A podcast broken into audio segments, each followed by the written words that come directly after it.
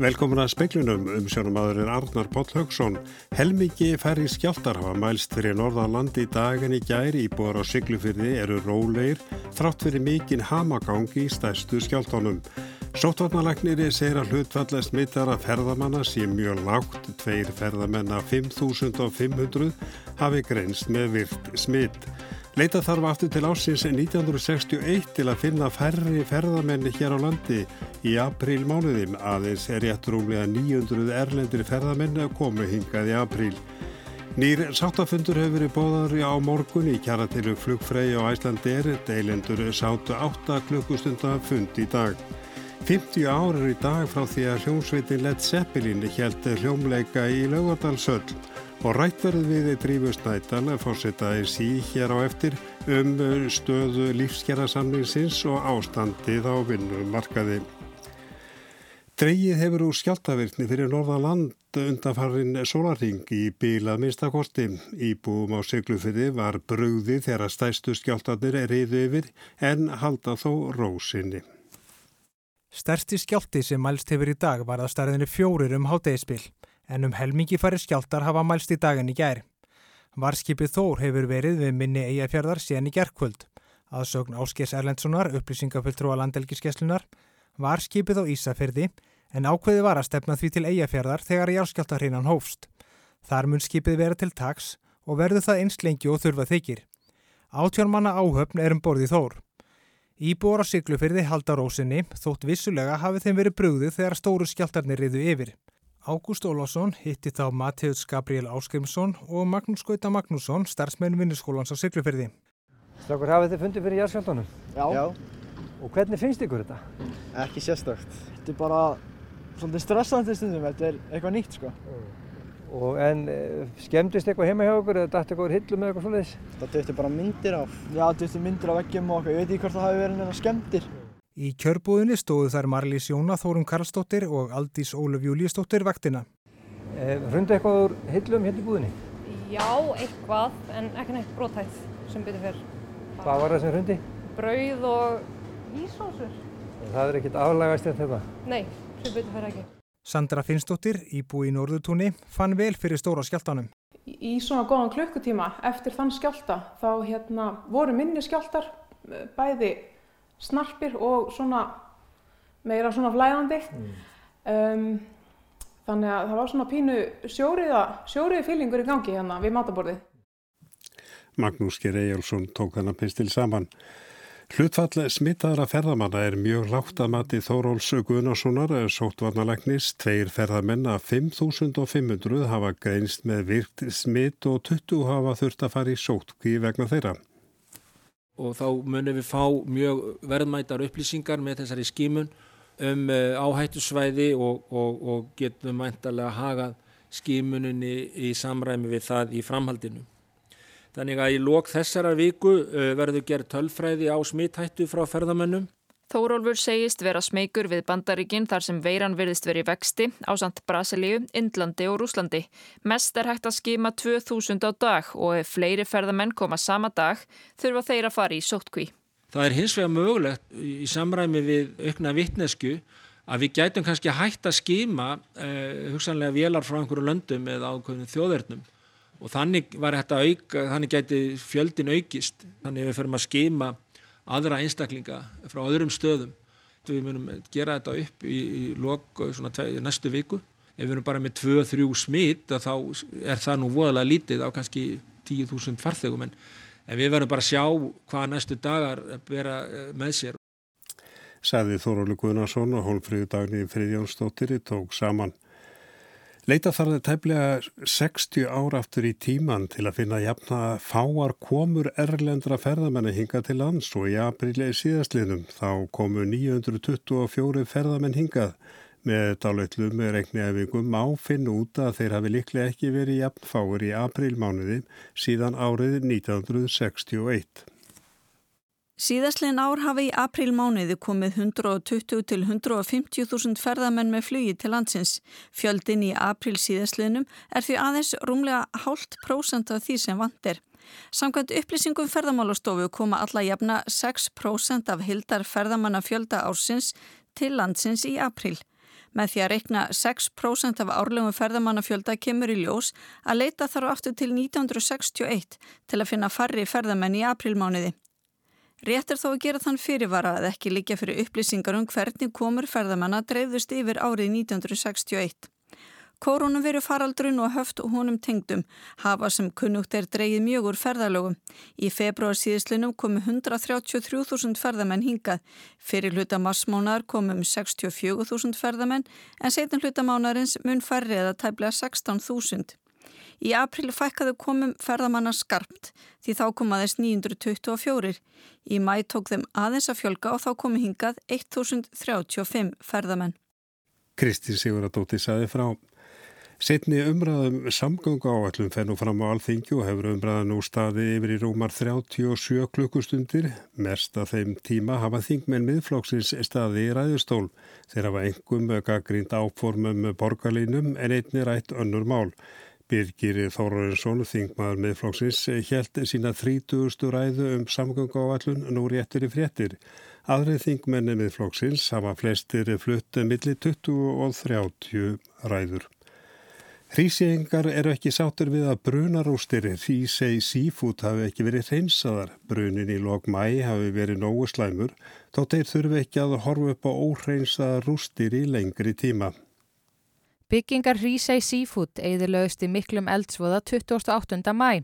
Nú, tæpum mánuði síðar, hefur ekki enn verið lokið við að hreinsa til eftir brunan. Það er vísu búið að taka mest allan fiskinn en það er náttúrulega ennþá hellins fiskur inn í rústunum þannig að það er náttúrulega þeir ekkit fyrir að það er búið hreinsett allt og það er alveg svæðileg líkt að þessu eins og getur rétt ímyndað okkur. Segir Linda Marja Áskerstóttir sem býr í Hrísei.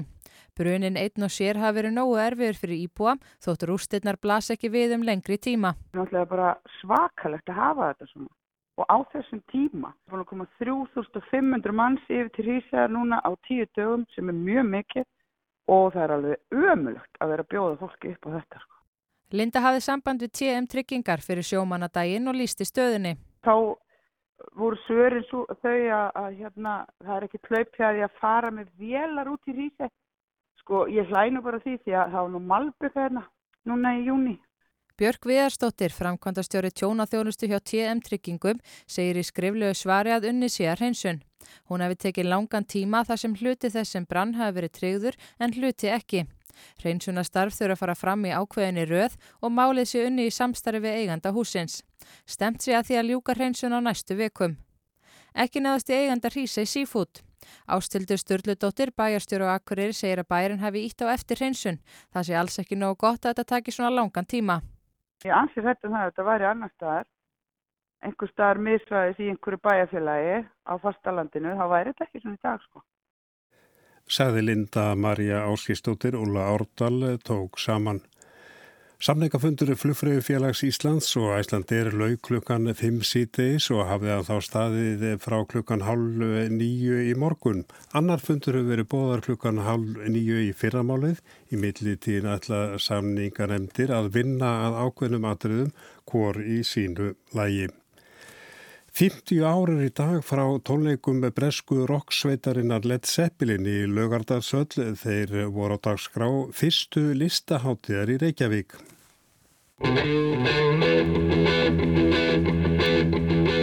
Þetta voru stærstu og merkilegustu bílatónleikar sem haldnir hafa verið hér á landi frá því að bílafljómleikasögur hófust, segir í umsögn Morgumblaðsins. Erlendar hljómsveitir af því tæginu hafðu ekki haldið tónleika hér á landi frá því að þau Hollís kom í heimsókn í ársbyrjun 1967. Unga fólkið var því farið að fyrsta í lifandi tónlist utan úr hinnum stóra heimi en það var aðsókn góð eins og Vítis Feinbóadóttir greindi frá í sjónvarpstætti þegar hún fóri yfir helstu tíðindi frá listaháttíðinni.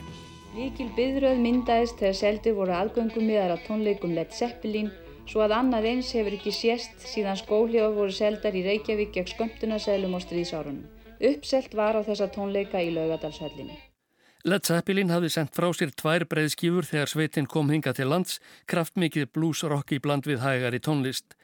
Hljómsveitin fór ótróðunar slóðir í lagavali og naut mikill að vinsalda víðast hvar, enda fjölmenti, jandi tónlistar áhuga fólk sem tónlistar menn sem voru spendir að sjá og heyra það sem brettarnir knáu höfðu fram að færa. Já, það var nú, þetta voru nú tónleikar sem að maður, maður gleymir aldrei og þetta var svona fyrsta skipti sem maður fekk svona bilmingshögg svona á bringsmælinnar svona bom, bassan sko, trómunnar sko, þetta var svoleiðis. Og þetta var náttúrulega svo mikill sjokkur sko fyrir bransan. Og ég held að sko, sko stór hluti af hljónsveitunum sem voru að derra sig á þessum tíma fóru bara aftur inn í bílskur og lokuðu og eftir sig sko. Og fóru að skipta um gýr og fóru að æfa meira og svona, þetta var svolítið bítla, bítla áhrif sko. Þetta var Björgun Haldarsson áður við í Víkdísi Fimboðadóttur Áskir Tómasson tók saman.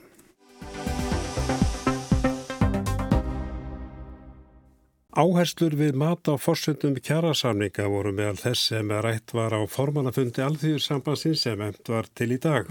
Fórsendur lífskjærasamningsins sem undirritu var í fyrra verða metnar í september og Drífa Snædal fórseti alþýðsambansins er mættinga til minni í speilin. Verður velkomin. Takk.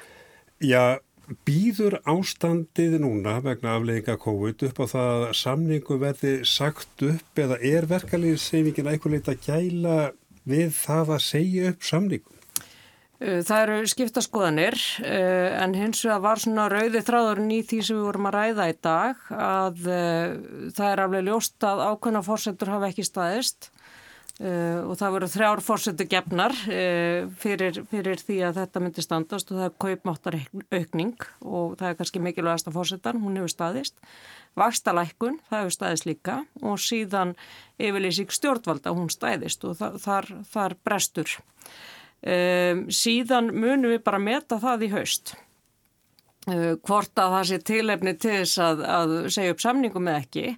Og við ætlum okkur bara tíma í að meta það. Uh, við, mér finnst mikilvægt að halda þennan fund svona í lok vetrar til þess að við næðum aðeins að kjarn okkur og koma saman eftir hennan ótrúlega vetur uh, þar sem auðvita mörgum málum hefur verið ítt til liðar til þess að takast á við svo kvöldu COVID-mál Um, en hérna við munum svo heitast aftur sennilega í ágúst í upptakti þess að, að fórsöndunemt kjara samninga tekur til starfa. En ég spyr ég láttu sögur spurningara, nú satt bentur á að kaupmátturinn hefur aukist, mm. vextinir hafa lækkað, talsveit mikið, eh, emdir ríkisjónarinnar eru kannski, já það er, það er ekki alveg í stað við það, helst þessi 40 ára jafngreislu verðtrið lán, mm. Er eitthvað sem bendir til þess að samningu verði sagt upp? Um, Vegna já. þess að launin, kaupmáttur eru aukist og vextir hafa lækað? Já, það er náttúrulega það sem við ætlum að metta og ég, já, sko, ég, en, það eru skipta skoðanur um það, hvort að ég fara að segja upp samningum eða ekki. Uh, með því að segja upp samningum þá eru við líka afselja okkur uh, kauphækkunum sem væru þá í kortunum. Um, en, en þetta er bara svona heldarmat sem við förum í haust. Uh, og auðvitað hafa breytingar á vinnumarkaði tölver áhrif þar uh, og, og auðvitað hafa orðið áherslu breytingar í okkar kröfum og íminst ný verkefni sem komin á borðið. Þannig að ég er í rauninni ekki tilbúin til að svara því hvort að samningu verið sagt upp í haust eða ekki Eh, við ætlum að halda því opnu og taka félagslega ákvörn um það í höst. En er það ekki þannig eins og aðurreikundur að benda á að verðmætarsköpunni sem áttægir sér stað og greiða þessu laun sem að sami var um í lífsfjærasamlingum að eh, það verður ekkit orðu úr henni fyrirtækin svo orðið bara beint út að við gefna og greiða laun? Það verður ekki orðið svo verðmætasköpun sem við stemdum að það er kreppa, það er heimskreppa og hún er ströndum Íslands. En þá er náttúrulega líka mikilvægra heldur nokkuð tíman áður að verja uh, þá sem verstur settir. Uh, og eins og við höfum ítrekka bent á að það versta sem við gerum núna er að heimilinn fá ekki fjármægt til að snúa hjólum aðtunlýsis að því það eru við sem þurfum að gera það. Uh, þetta er stundu kallað hérna launadrefin vöxtur. Uh, og það beinir þá sjónum að því, fyrsta lagi að verja kjærasamningana, verja sagt, uh, laun sem kjærasamningar veita. Og í öðru lagi að fara fram á hækkanir aðurleysbóta sem er eitt af verkefni sem við heldum að við þurftum kannski ekki að ráðast í núna. En hvernig hefur verið tekið það? Eh, við höfum ávarpaða, við höfum eh, talað um það, gagvart eh, stjórnvöldum að það verður næsta verkefni sem verður að fara í og, og fyrr en síðar en það hefur svo sem ekkit verið hérna, við höfum ekki við erum ekki farin að fara í alvarlegar viðræður um það en ætlumst til þess að það verði. En þú hefur mikið talað um það að eh, já, komi vekk fyrir kjara skerðingar. Eh, hvað áttu nákvæmlega við með því áttu, já einugis, það er stórt mál, að eh, fólk sem að missir vinna, að það veri ráðið á lagari kjörn? Já, það var ná eitt af því sem við náðum að koma vekk fyrir í frumvarpunum laun og uppsagnarfresti að þegar fólk er ráðið aftur að þá bera ráða á sömu kjörum. Eins og að geta kjara skerðingar komið í ímsu myndum til fólks. Uh, við þekkjum það að það getur gerst í gegnum gengisvelliku, það getur gerst í gegnum verðbólgu þannig að launin hækka. Það getur líka gerst þannig að, að hérna... Uh, það sem kostar að reka velferðarkerfið verði ætlast til þess að það veri greitt úr eigin massa. Uh, það getur gerst í gegnum þjónustu skerðingu þannig að fólk eru ítt út í dýrari lausnir í mentun eða heilbreyði. Uh, þannig að við höfum talað um það frá því að þetta ástand skall á að við þurfum að vera mjög vel vakati fyrir í hvaða mynd reyndir að velta þessu þunganhassi yfir á heimilinu og við höfum líka talað um það að að við þurfum að hafa þólumæði til að skulda þessa kreppu þannig að við rjúkum ekki til strax og veltum, veltum skuldin yfir á heimilin. Að því eins og ég segi, kjara skerðingar geta komið í ymsumyndum uh, og það allra versta sem við getum gert í þessari stöðu er að leifa því að gerast að fólk falli í fátækt. Uh, við erum nú þegar ótrúlegt en satt, látum það líðast í okkar samfélagi að veikindi, langtíma veikindi eru til dæmis ávísun og fátækt fyrir mjög marga Eh, það er ekki í mínum huga lögmál uh, og þá heldur ekki að vera í mínum huga lögmál að, að hérna ef þú verður afturlösa þá fellur niður í fátækt. Nú er það þannig að uh, þið metið þetta í september hvort að fórsendur kjærasamninga hafi staðist og það er laun og fórsendur sem að kemur saman og er skipuð þremur aðlum frá hvorum aðila. Mm. E, geti að fara svo að aðturnegundur þeir myndu vilja rifta samningum? Það getur farið svo og það er þeirra ákverðun uh, hvort að þeir vilja rifta hérna kjærasamningum og þeir hljóta að taka þá félagslu ákverðun innan sinna rafa uh, þannig að þeir í rauninni verða að svara því. En með atvinnleysistrýngabætur að já, hvers vegna eru það að fara fram á það að þær verði auknar og líka já, tekjutengdar atvinnleysisbætur eru þessar bætur já, allt og lágara eitthvað mat? Sko grunnbæturnar eru kringu 280.000. Uh, það, þær hafa, það verið yfirleitt verið við með að þær séu svona 90-95% af uh, lámaslaunum, lámastekjutryggingu sem er í dag 335.000. Þannig að við, þær eru tölvast undir því. Þær hafa ekki haldið í við uh, lámastekjutryggingar sem hafa verið svona ákveði við með lámaslauninlandinu. Þannig að það þarf að sækja fram þar, alveg klálega. En hvernig sérð þú fyrir ástandi núna að eh, þið voru reyndar að fara svona yfir ímisatrið á formannafundurum en sérðu fyrir ástandi svona þróast að, að því ég spáða að, að það verði áfram slemt ástandi í aturlífinu miskusti halva árið eða helmíkurinn heldur að aturleikanda heldur að það skáni eftir halda, ár en hvernig sér þetta er, er harður vetur framöndan? Ég óttast að það sé harðu vitur framöndan, ég óttast að það sé erfitt haust framöndan. Uh, það er einhverja spár sem segja 8% atunleysi um áramótin. Uh, það er miklu meira heldur en okkar samfélag þólir. Uh, við höfum þólað mjög illa atunleysi hér á Íslandi og til mikils að vinna að minga það. Það er reyndar að koma úrræði fyrir þá sem eru atunleysa, mentun úrræði og fleira sem skiptir máli.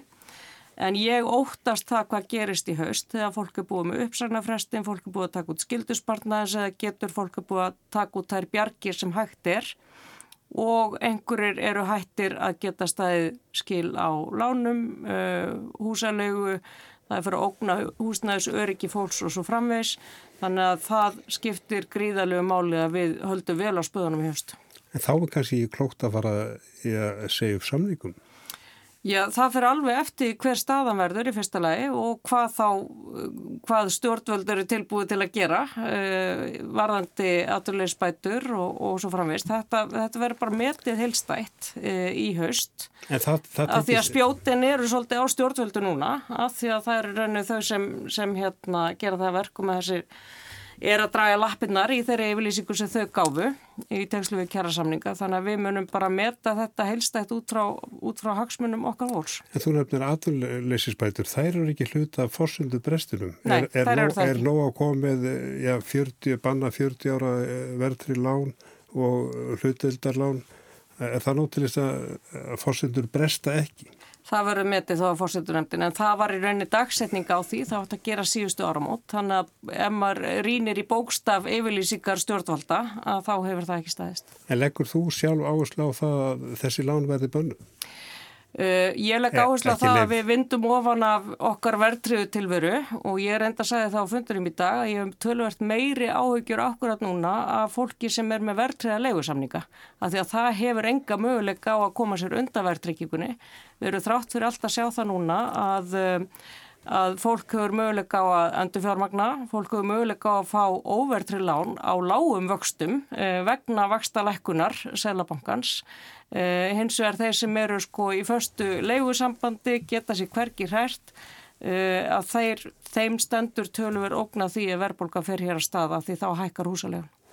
Drífa Snædal, þakka ekki alveg fyrir og þið ætla að taka upp þráðin aftur í ágúst og líta til uh, forsendna kjærasamninga. Þakka ekki alveg fyrir. Takk.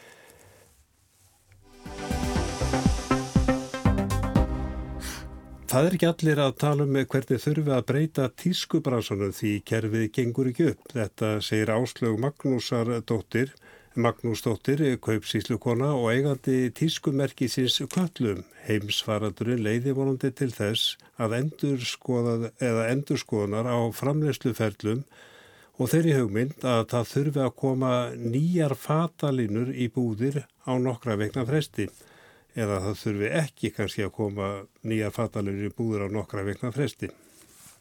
Ég held að það sé engin spurning að það eru allir núna innan tískubransans eh, að tala um hvernig þarf að breyta bransanum og spurningin er munu breytingarna sem eru gerðar vera nægilegar.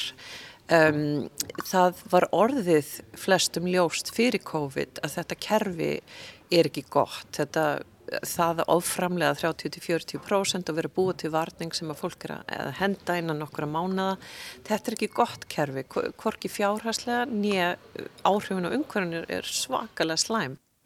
Um 10% af heimslósun gróðurúsaloftegunda skrifast á tískugeiran. Hann er líka vassfrekur og affallsvatt frá honum er ekki alltaf hreinsað.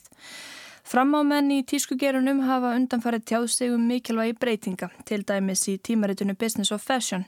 Þá hafa tískumógular byrt sameinlegar yfirlýsingar um mikilvægi þess að nota andrimið sem gafst í faraldrinum til að breyta kerfinu og draga úr neikvæðum áhrifum framleiðslunar. Á sama tíma hafa samtökum sjálfbæra fataframleiðslu viðrað áhyggjur af því að ítlastöld fyrirtæki láti nýtilkomnar umhverfis og sjálfbærni áherslur lönd og leið því nú snúist allt um að bjarga rekstrinum.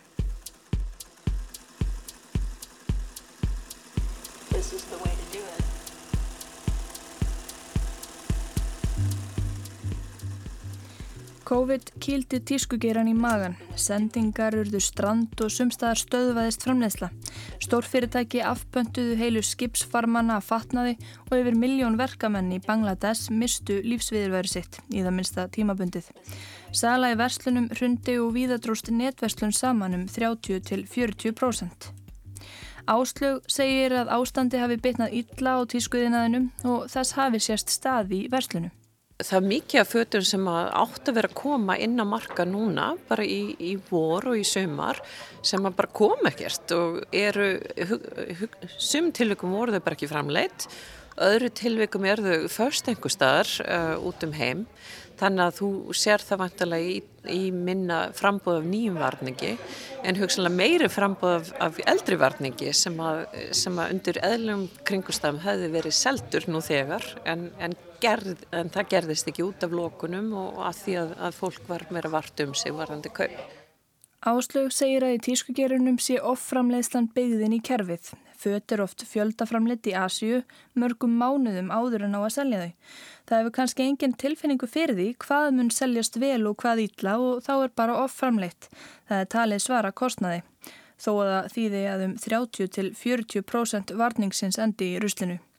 Að mati áslögar liggja tækifæri því að hverfa frá svo kalluðum sölu misserum því að það komi ný haust tíska og við það verði sumar tísku línan úrelt og nánast verlaus. Þá vil hún breyta ríkjandi framleiðsluferlum þannig að fötirðu framleitt eftir pöntun, ekki í massavís þegar óljóst er hversu mikið að því selst. Ég held að það sé mikilvægt að við höldum okkur ekki við þessi sísons eins og við höfum gert. Það er auðvitað hægt að hugsa sér eh, formúla sem er svolítið bland.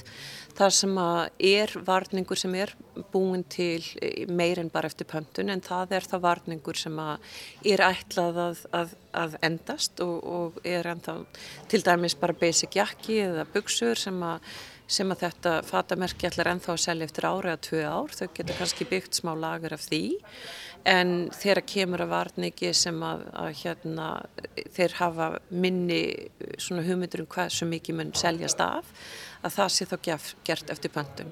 En vonandi getur við komist á þann stað á, á einhverjum tímapunkti að, að við getum gert allt eftir pöntun. Hún segir að tæknin til að framleiða eftir pöntun seti staðar bara ekki nógu útbreytt og þetta sé ekki eins og í gamla daga þegar það tók margar vikur að fá pöntun afgreita. Nú takir það nokkra daga. Þetta sé einn besta leiðin til að spórna gegn og framleiðslunni. Áslaug stopnaði nýlega eigið tískufyrirtæki, Köllu, og það fer þessa leið. Það eru fleiri og fleiri fyrirtæki farin að skoða þessa leið en það þarf svolítið mikið til þess að allur tískubransin fari í þessa átta því það er búið að vera annað kerfi við líði í mjög langan tíma. Fyrirtæki áslögar framleiðir á minni skala en stórfyrirtæki á borð við H&M og Zara. Flíkurnar eru framleitar í bandaríkunum svo þessi nær likil markaðinu. Hver flíka er mert með númeri sem kaupandin getur flett upp á netinu og nálgast upplýsingar um framleiðsluferlið og umhverfis áhrif þess. Verðið á flíkunum leipurstundum á 20.000. Spurningin er, getur allur tískugeirinn þróast í sveipaða átt eða er það bara á færi minni og dýrari merkja? Ef ég ber saman kostnað við eitt stykki sem ég framleiði, eh, miða við eitt stykki sem ég myndi kannski framleiða í Asju ef ég væri að framleiða þá 100 í einu, þá er þessi einingakostnaður hærri í bandaríkjunum. Hins vegar, ef ég fyrir að taka tillit til flutningskostnaðurinn, geimslukostnaðurinn og allar áhættunar sem fælst í því að vera flytjað yfir og svo eitthvað svona ástand eins og COVID, þá fer maður að skoða svolítið öðruvísi eh, kostnaða samanbörðin. En eru fyrirtæki sem fjöldaframlega tískuvarning og selja á tiltöla lágu verði ekki hátti að neytendur kaupi margar flíkur? Þurfa þeir að kaupa færri og þá kannski dýrari fött? Ég held að fattamerki þurfa aðeins að endur hugsa hvernig þeir gera þetta og skipilegja sig í kringum það. En það eru auðvitað heilmikið kostnar við að búa til svona mörg fött á hverju ári. Það er kostnar við tískusýningar sem við verðum að gera margar á hverju ári. Það er kostnar við að fólk sé að fljú og fram og tilbaka út um allan heim við að vinna við þetta. Um, þannig að ef að þetta er einfalda þá eru þetta sparnar sem, sem kemur þar á móti. Síðastlegin ár hafa neytendur lagt aukna áherslu á sjálfbærni. Fyrirtæki hafa brúðist við með ýmsum hætti. Oft aðgreina stór hraðtísku fyrirtæki ákveðnar flíkur með grænum merkimiðum, conscious, aware, sustainable og lengi mætti áframtelja. Þetta eru flíkur sem samkvæmt fyrirtækunum eru umhverjusvætni kostur, ofta hluta úr endurunum póliester eða bómull. Áslug segir að þetta sé skrefi rétta átt.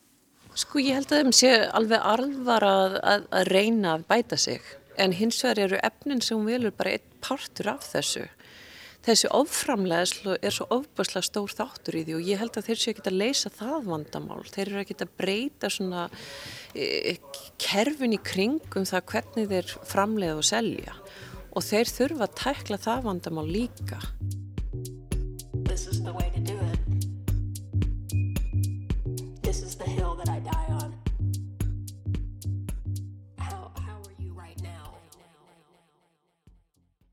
Og það var Arnildur Haldunóttir sem tók þennan pistil saman og það var helst í smiklunni kvöld að helmikið færri skjáltar var mæst fyrir Norðanland í dag en í gær. Íbúar á Siglufyrði eru rólegir þrátt fyrir mikinn hamagang í stæstu skjáltónum.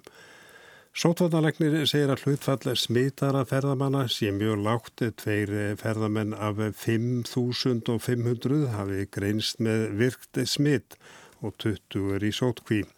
Leita þarf aftur til ásins 1961 til að finna færri ferðamenn hér á landi í aprílmánuði. Aðeins er rétt rúmlega 900 erlendir ferðamenn komið hingað í apríl síðastliðnum og nýr sáttafundur hefur verið bóðar á morgun í kjara þeirri flugfræði og æslandir. Deilendur sátu 8 klukkustunda fund í dag. En það er ekki fleira í speklum með kvöld, tæknumar og marka eldreit verðið sæl.